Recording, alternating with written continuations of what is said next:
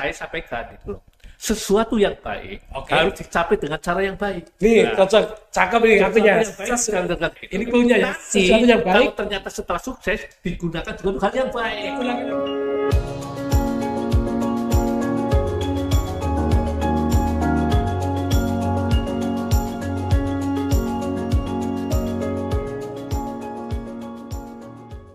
Assalamualaikum warahmatullahi wabarakatuh. Selamat pagi, siang, sore, dan malam untuk sedulur KPU Banyumas. Jumpa lagi dengan saya, Imam Arif Setiati, Ketua KPU Kabupaten Banyumas dalam acara Ngodemas, Ngobrol Demokrasi KPU Banyumas. Pada kesempatan kali ini, sangat berbahagia sekali, kita kedatangan seorang legend untuk legislator Provinsi Jawa Tengah. Beliau adalah sosok politisi yang humble, yang Banyumasi, ya gini kan Banyumas, Banyumas banget. Juga dan sejak era reformasi, beliau selalu terpilih di gelaran pemilu untuk DPRD provinsi, baik tahun 99, 2004, 2009, 2014 dan terakhir 2019 kemarin. Kita sapa beliau, beliau adalah Bapak Bambang Haryanto Bahti. Kita panggil Mas BHP. Selamat datang Mas BHP. Jangan. Terima kasih, Mas. Imam. Gimana kabar Mas? Alhamdulillah sehat. Oh, Ini matur nuwun Pak. Di tengah kesibukan beliau, beliau ini ketua komisi C gitu ya. Gitu ya Pak. Ya, ya, betul ya. Komisi C komisi yang gimana Pak? Komisi C itu komisi yang bidangi tentang pendapatan dan keuangan. Wah, juragannya duit. yang apa ya? Pengeluaran ini apa pemasukan ya? Iya, iya, pendapatan, pendapatan, iya, pendapatan. iya. Begitu. Eh, beliau ini banknya eh pemprov lah. Bagaimana kebijakan untuk mengoptimalkan pendapatan, gitu ya? Pendapatan, betul, ya. Ini beliau Pak BHB kalau nama kerennya BHB. Eh sedulur Kabupaten Banyumas, saya bacakan kurikulum vitae sekilas. Beliau lahir di Banyumas 5 Oktober 1962, betul ya? Betul, ya. Tempat tinggal di Arca Winangun, RT 3 RW 10 Pro Timur. Beliau adalah anggota DPRD Provinsi Jawa Tengah dari PDI Perjuangan. Peran suara se-Jawa Tengah untuk dapil Banyumas Cilacap 136.423 suara gitu ya. Dan di Banyumas 80.720 suara. Luar biasa ini. Bayi ini loh ini. Belum ibu bayi ini. Dan sebagaimana saya sampaikan tadi, beliau sejak 2000 eh, dari sejak 99 beliau sebagai anggota DPRD Provinsi Jawa Tengah. Kita bincang-bincang dengan beliau, Eh, Mas BHP. Bapak. Ini eh, motivasi apa gini? Motivasi apa yang menjadikan Mas BHP memilih untuk berkhidmat mengabdi bangsa menjadi anggota dewan? Ya, saya kira eh, apa namanya ini sebuah pertama eh, barangkali karena ada apa ya eh, naluri saja gitu ya. Jadi saya itu semenjak SMP itu kalau baca koran misalnya itu yang saya suka itu berita-berita tentang politik kayak gitu loh. Itu salah satunya seperti itu. Kemudian saya juga mengikuti misalnya dulu apa namanya eh, bagaimana dinamika pergerakan teman-teman aktivis di tingkat mahasiswa gitu loh. Ini salah satu juga yang mendorong kami eh, tertarik ke sana. Nah, kalau kaitannya dengan kenapa kami memilih PDI Perjuangan ataupun bapakku belum PDI Perjuangan. Jadi gini Mas Imam, Gih, Eh, kebetulan kalau saya berkiprah di partai mulai tahun 87 itu. U87. Iya, jadi kalau hitung sampai hari ini kan kurang lebih 35 tahun itu. Ya. Jadi saya memilih seperti itu, ya mungkin pada waktu itu eh, mungkin tidak perlu pertimbangan-pertimbangan yang sangat apa istilahnya ya eh, eh, dalam atau ilmiah itu tidak lah, cuma sekedar eh, ekspresi hati saja gitu loh. Rasanya yang namanya partainya Wong Cilik pada waktu itu adalah PDI ya gitu. Dan partai yang senantiasa tidak pernah mendapatkan apa namanya perlakuan yang sama dari otoritas penguasa pada waktu itu. Sehingga inilah yang saya pilih gitu. Dan memang di keluarga saya memang keluarga nasionalis ya Oke. jadi itu mungkin eh, pertimbangan-pertimbangan itu yang akhirnya dalam tanda kutip menjerumuskan saya masuk ke dunia politik saya kira itu maksimum Mungkin ada misi apa mungkin? Misi apa mengapa harus Mas BHP ini terjadi politik mungkin ada? saya kira misi khusus tidak ada ya. Karena artinya begini saja, empati kita kepada katakanlah begini. Pada saat partai ini eh, apa namanya terstigma sebagai partainya wong cilik Oke. itu. Nah, kita mesti kan kita harus terbiasa bagaimana empati ya terhadap Hmm. orang-orang kecil dan sebagainya. Sehingga itulah yang saya pilih karena ya mohon maaf ya gitu loh. Kalau yang namanya Partai Golkar pada waktu kan jelas ya partainya penguasa, priayi dan sebagainya lah. Itu yang barangkali bagi saya kayaknya milieu ini kurang pas ya gitu. Nah, mohon maaf juga kalau kebetulan kalau partai P3 saya merasa ini saya orang abangan kayak gitu. Jadi dalam persoalan-persoalan pemahaman keagamaan saya tidak terlalu dalam gitu loh Mas Imam itu loh. Saya kira ini yang eh, saya sampaikan untuk sedulur KPU Banyumas ya. Berarti karena dorongan empati ya, Iya, melihat ini senasib mungkin ya ini. itu seperti kayak gitu. bagaimana memperjuangkan Ya. gitu ya. Karena bagaimanapun juga itu tadi ya. Jadi saya kira begini. Saya orang yang dilahirkan eh, dengan bintang Libra. Ini saya bukan mistik ya. Siap. Saya juga bukan berarti apa istilahnya eh, apa kalau kalau eh, saya mempercayai eh, tidak berarti apa istilahnya kalau menduakan Tuhan Iya. itu tidak. Sirik bukan, bukan. Oke. Iya, saya tetap itu. Nah, kebetulan bidang saya ini Libra. itu. Oke. Libra itu ternyata adalah eh, simbolnya saja Mas Bang tahu kan? Timbangan kan. Jadi orang yang senantiasa menjaga harmoni, Oh, sang yang senantiasa menjaga apa namanya masa-masa keadilan itu loh.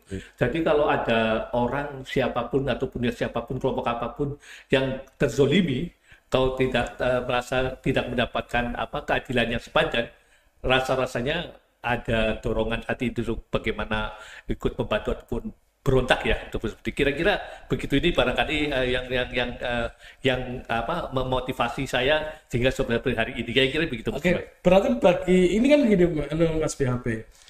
Banyak persepsi bahkan bukan hanya anak muda, kalau tua itu menyatakan politik itu jelek, jahat. Ternyata sebenarnya tujuan mulia Ya, gitu ya, ya, kalau kita lihat gitu ya. Ini kan sebetulnya kan ada apa ya pemahaman yang confuse ya terhadap politik ini.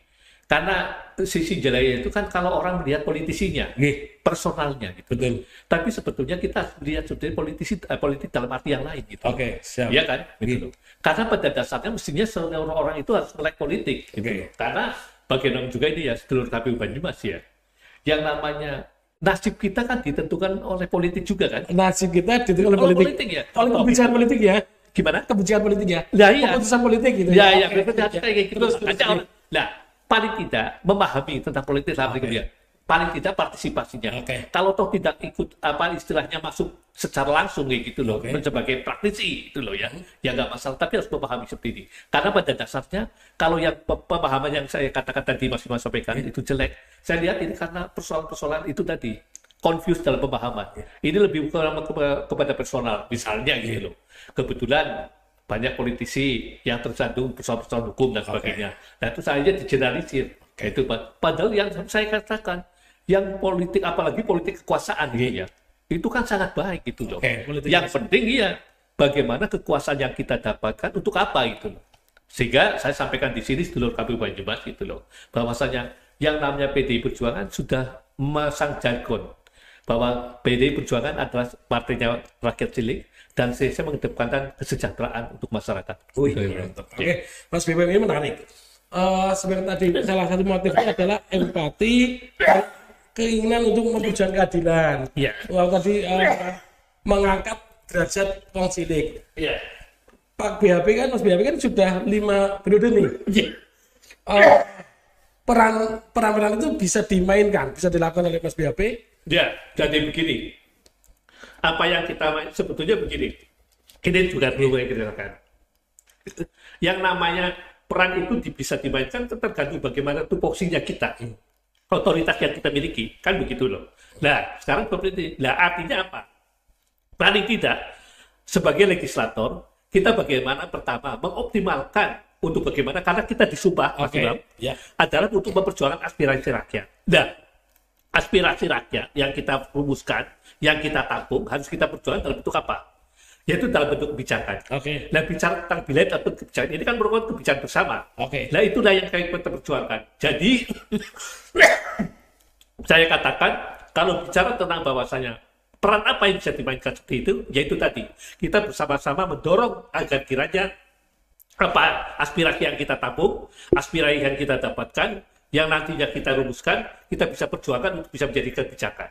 Misalnya gitu. Iya, oke. Misalnya. misalnya contoh persoalan-persoalan apa namanya uh, apa uh, ini kaitannya misalnya kebijakan yang ada di tingkat provinsi. Oke. Nah, artinya kita lihat bagaimanapun juga alat untuk mensejahterakan masyarakat itu kan APBD. Betul. Ya kan? Gitu. Sehingga kita melihat politik anggarannya sudah harus punya rakyat. Sehingga misalnya pada saat kita masih banyak orang tidak mampu untuk memenuhi kebutuhan-kebutuhan dasarnya, misalnya katakanlah biaya pendidikan, bagaimana ada kebijakan yang tertuang di politik anggaran kita untuk bisa membebaskan biaya pendidikan itu misalnya kayak gitu. Oh misalkan alokasi anggaran Alokasi untuk anggaran, beasiswa ya. gitu, Ya, gitu misalnya ya. kayak gitu. Itu salah satu contohnya gitu. Untuk kesehatan. gitu. Ya, misalnya begitu. Kesehatan ya. Iya. Pengobatan gratis. Iya, itu rumahnya rumah tidak Layak beli, ya. Dan Itu seperti pokoknya kebutuhan dan pelayanan dasar gitu. di samping anggaran juga terkait juga dorong perden ya. Dan Ya itu gitu tadi. ya. Karena itu tadi Oke. kita kan tiga fungsi kita Oke. kan bagaimana kita ada di bidang budgeting, Oke. itu masalah anggarannya.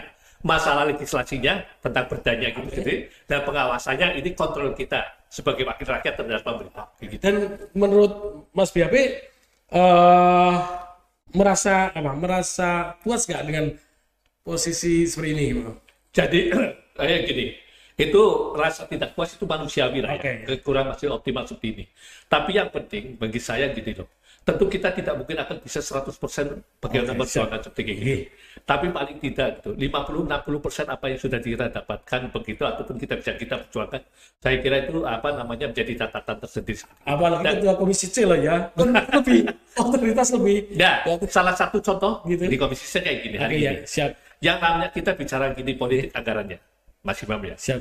Kalau yang namanya anggaran itu kan APBD kan singkat dari anggaran pendapatan dan belanja daerah. Oke. Artinya di sini kan ada dua komponen, Iya. belanja dan pendapatan. Oke. Nah pada saat kita membutuhkan belanja yang besar, kita kan bagaimana mengoptimalkan pendapatan. Oke. Nah itu yang kita perjuangkan untuk bagaimana kita bisa mengoptimalkan pendapatan, khususnya pendapatan asli daerah. Saya kira itu. Oke. Ini menarik sedulur Kabupaten Banyumas. Ini eh, edisinya adalah anggota Dewan Menyapa, DPRD Menyapa. Oke. Selanjutnya ini Mas BAP. Saya dan ini banyak teman yang heran, bukan heran. Takjub lah katanya takjub. Ini Mas BAP lima pemilu terlalu terpilih dan kadang-kadang lagi herannya tak jadi Bali orang oh no apa pamflet orang akeh orang kuntai jadi menang ini mungkin ada resep apa ini Jadi saya sering menangkan pertantuan gini, sebetulnya RPS khusus nggak ada lah ya. Artinya begini, bagi saya saya mengatakan bahwa yang penting saya memaknai bahwa pertama kali yang namanya jabatan itu adalah amanah. oke Ya, sehingga pada saat kita sudah diberikan amanah ini harus kita benar-benar baik. Karena pertanggungjawaban kita tidak hanya kepada rakyat memilihnya, tapi lebih daripada kepada Tuhan. Yang Wis, Esa. mantap. Itu ya, itu yang, Iya. yang harus kita pikirkan. Sehingga politik saya sederhana saja gitu. Yang penting bagaimana kita bisa apa namanya mengoptimalkan apa yang menjadikan ranah ataupun apa menjadikan uh, otoritas kita kepada kita yang pertama. Tapi dalam konteks bagaimana hari ini untuk dalam konteks untuk se- seberapa trust kayak gitu, ya saya pikir ini harus ada investasi sosial yang sangat jangka panjang itu. loh. Nah ini yang kita, yang kadang-kadang kayak gitu. Kadang-kadang mohon maaf itu loh, saya memberikan kritikan pada teman-teman. Kadang-kadang orang-orang ini berpikir instan. Iya. Jadi katakanlah hit and run oke datang pada saat butuh tapi sudah selesai pergi. Nah, itu yang kita oke mungkin dikonkretkan Pak. investasi sosial seperti apa gitu kan ya artinya lah art- pertama gitu loh. Yang kita coba butuh dan jangan sampai ada keterputusan komunikasi oke kayak gitu. Nah, kemudian dalam proses komunikasi ini tidak hanya jangan terputus, kita juga bisa memudahkan proses komunikasi gitu. Oke, jangan Jadi putus, usah terlalu mudah. protokoler kayak gitu loh. orang Misalnya- sebosi lah ya orang sekaya bosi lah ya Nah iya, kalau nggak nggak bosi nggak usah gitu loh. Yang namanya nggak ada itu yang namanya nomor HP privat kayak Oh, gitu. gitu. gitu.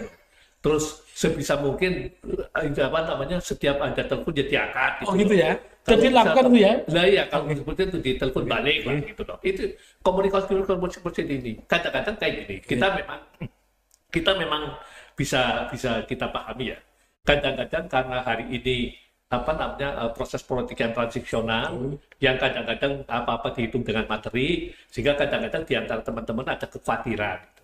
yang tidak perlu menurut saya. oke Karena sebetulnya sepanjang kita bisa memberikan apa pencerahan kepada mereka dan cerita apa adanya gitu loh. Jadi bukan pencitraan. Oke. Ya masyarakat juga bisa memahami kok gitu loh.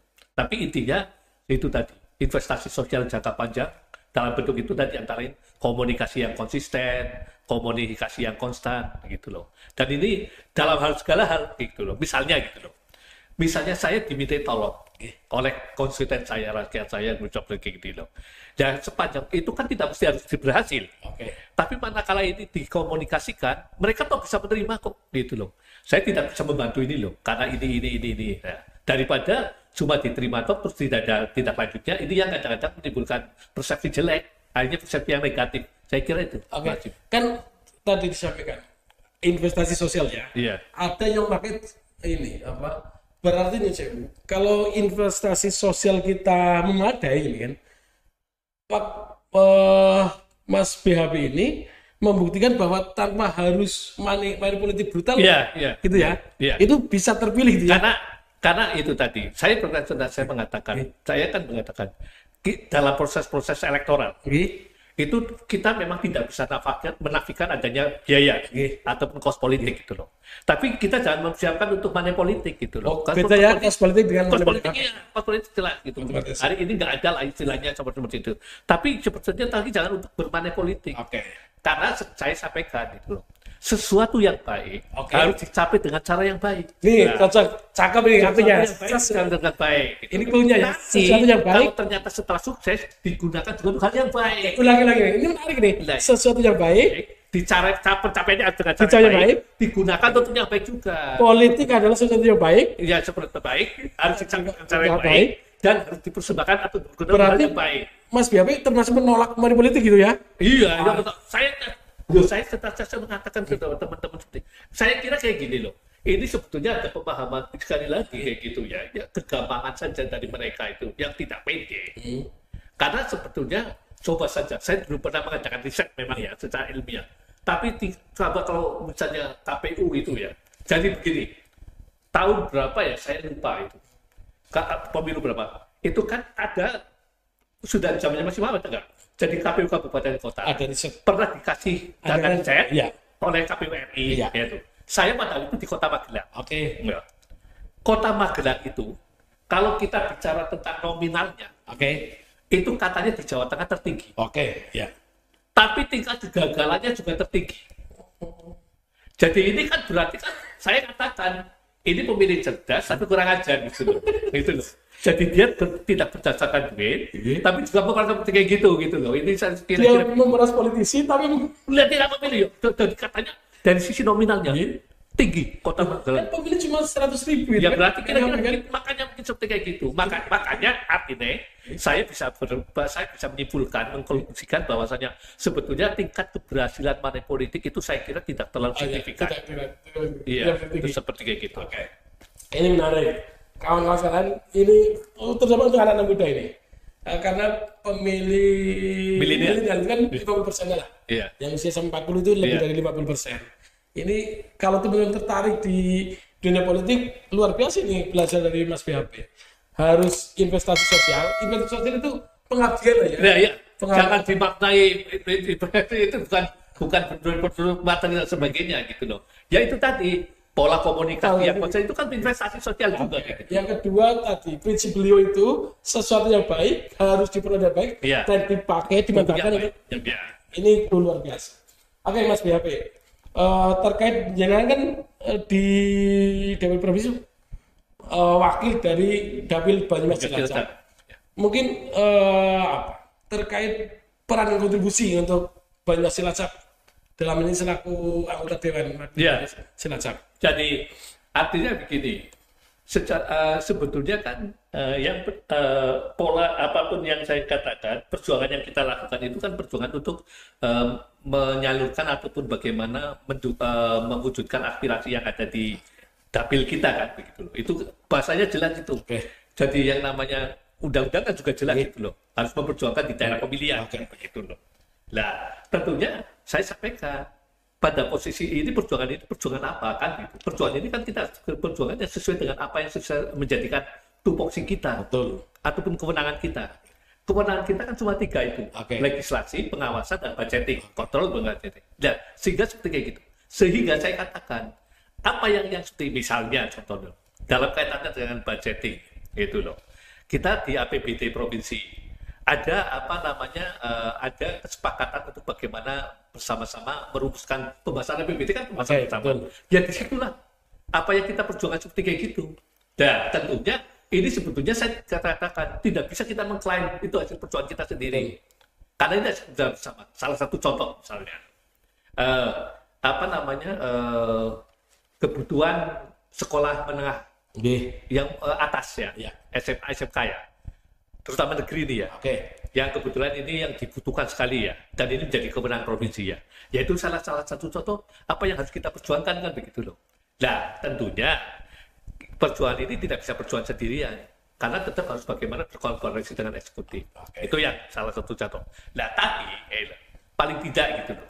Karena kita punya dalam tanda kutip ya power itu yang harus kita gunakan tapi dalam tetap dalam itu tadi yang bermartabat gitu loh Oke, tetap bermartabat. beretika Beretika. gitu loh ya tetap proporsional Iya, betul. misalnya gitu loh ini contoh misalnya gitu loh saya kebetulan ketua komisi C Oke. bagaimana juga yang namanya kantor di eksekutif itu adalah pasti kan punya hubungan khusus nih Nah, kita salah satunya dengan rumah sakit misalnya kadang-kadang ada masyarakat eh, Banyumas Cilacap yang masuk ke Margono mungkin ya karena kesalahan mereka ya. Tidak punya KIS, tidak punya BPJS gitu loh. Sehingga perlu pembebasan dan sebagainya ya kita bantu misalnya gitu. Itu meskipun ini sekali lagi ini cuma bagian kecil saja. Betul. tapi sebetulnya perjuangan yang paling besar adalah bagaimana menciptakan kebijakan Kebijakan ya. sekali lagi kebijakan itu Oke, ya. sehingga kebijakan itu misalnya contohnya kalau hari ini sebetulnya sudah jelas ya kalau bicara tentang postur anggaran APBD itu sudah jelas 20% untuk pendidikan. Itu mandatoris itu dari undang-undang kesehatan 5% tapi hal-hal yang lain itu kira-kira begitu perjuangannya Sip. Matur nih Mas Habib. Kita sebenarnya pengen ngobrol banyak, terutama tadi etik, etibilitas dan elektabilitas ini menarik. Iya. Politisi yang bilang moral, tidak hanya aksi ngejar popularitas, gitu kan. Iya. Ini menarik. Tapi kita akan ketemu lagi lah suatu saat dengan beliau. Kita belajar khusus terkait dengan tadi bagaimana politik ini baik, memperoleh dengan baik dan Digunakan dengan digunakan dengan baik. Itu namanya etibilitas. Eh, politik sesuai dengan etik ini, Pak. Iya. Bukan hanya aksi yang elektabilitas. Oke, sedulur KPU Banyumas. Oh, mungkin terakhir, Pak. Mungkin pesan untuk sedulur KPU, KPU Banyumas, khususnya untuk anak-anak muda Ya. Banyumas. Saya kira ini eh, saya dalam posisi tidak apa namanya eh, memaksa ya. Tapi paling tidak saya juga sekitar ini secara jujur saya sampaikan bahwasanya perlu ada sebuah apa ya eh, senantiasa dorongan untuk memahami itu tadi ya. supaya apa yang tadi Mas Imam di awal katakan eh, apa persepsi politik yang jelek, politik yang amburadul dan sebagainya itu harus kita luruskan. Betul, Ya, tapi salah satunya itu juga menjadi otokritik kita bersama karena hari ini mestinya yang punya kewajiban memberikan political education itu adalah partai politik, betul. tapi hari ini masih kurang. Tapi yang pasti mungkin singkat saja bahwasanya saya mengajak bahwasanya karena nasib kita itu juga ditentukan oleh politik gitu loh. Politik kebijakan dalam hal ini tentunya saya mengajak kepada generasi muda untuk jangan jangan sampai apatis gitu loh. Apalagi skeptis terhadap politik, paling tidak wujudnya gitu loh ya. Kalau toh tidak ingin terjun secara langsung menjadi praktisi politik atau politisi, paling tidak itu loh ya, paling tidak mengikuti senantiasa perkembangan politik. Dan yang lebih penting lagi, partisipasi politik. Ini kaitannya dengan KPU ini. Betul. gitu lah. Partisipasi politik itu ada dalam event-event gelaran-gelaran pemilihan-pemilihan, apa itu pilpres, apa pun pilkada, atau eh, apa pun pileg gitu. Tentunya dengan cara-cara yang kualitatif, artinya semuanya dengan dasar proporsional, semuanya dengan dasar yang rasional, tidak sekedar emosional, tapi harus bisa mewujudkan kebaikan ke depan Republik ini. Saya kira Oke, nuwun. Ini daging KP luar biasa dengan beliau. Tidak terasa waktu sudah eh, membatasi kita. Kita akan agendakan lah nanti ngobrol dengan beliau terkait dengan etik, terkait dengan ini clue-nya juga menarik sebenarnya. Orang baik terjun di politik ya. Ya, sehingga di politik kumpulannya orang-orang baik, Iya. mau berjuang kebaikan Ya, betul gitu, Iya. bersama-sama untuk kebaikan Indonesia Jadi biar Indonesia kita harus berjaya. menurutkan seperti itu. Kita yakini. Saya ini bukan sedang Iya. sedang apa istilahnya dobos ya maksudnya. Sebetulnya yang namanya di politik itu juga value-nya juga bagus ya gitu Iya. loh. Value-nya tetap juga apa istilahnya marwahnya juga ada gitu lah itu loh. ya itu teman-teman jangan pesimis jangan apatis pesimis masih banyak orang baik di dunia politik kalau teman-teman eh, apa tadi pengen memperjuangkan apa yang idealisme saudara jalur politik salah satu alternatif yang menarik untuk anda geluti. Matrun kita ketemu lagi di edisi selanjutnya dengan edi, eh, tema dan eh, legislator lainnya yang lebih yang menarik juga. Kita jumpa lagi matrun wassalamualaikum warahmatullahi wabarakatuh. Waalaikumsalam warahmatullahi wabarakatuh.